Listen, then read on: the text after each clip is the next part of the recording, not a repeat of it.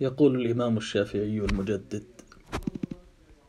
في قصيدة معروفة تعرفونها ربما ولكني أحب أن أقرأ بصوتي ما اعتادت الناس استماعه وإني أراني فيما أراني قادرا على خلق معان جديدة بمجرد قراءة الأشياء. يقول دع الأيام تفعل ما تشاء وطب نفسا إذا حكم القضاء ولا تجزع لحادثة الليالي فما لحوادث الدنيا بقاء.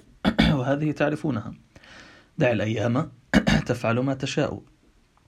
وطب نفسا إذا حكم القضاء. ولا تجزع لحادثة الليالي فما لحوادث الدنيا بقاء. وكن رجلا على الأهوال جلدا. وشيمتك السماحة والوفاء. وإن كثرت عيوبك في البرايا يا صديقي. وسرك أن يكون لها غطاء. تستر بالسخاء فكل عيب يغطيه كما قيل السخاء. هذا صحيح جدا. الكرم سيد الصفات في تغطية العيوب.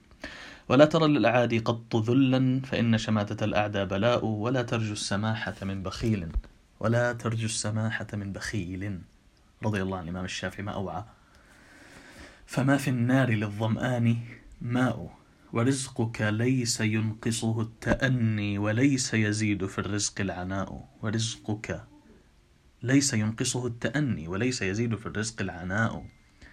لا التأني والبطء حيقلل في رزقك المكتوب ولا الزيادة في القلق والتوتر يعني. طبعا هذا لا يتناقض مع مفاهيم أخرى نحكي فيها. ولا حزن يدوم ولا سرور ولا بؤس عليك ولا رخاء إذا ما كنت ذا قلب قنوع فأنت ومالك الدنيا سواء ومن نزلت بساحته المنايا فلا أرض تقيه ولا سماء وأرض الله واسعة ولكن إذا نزل القضاء ضاق الفضاء. دع الأيام تغدر كل حين فما يغني عن الموت الدواء.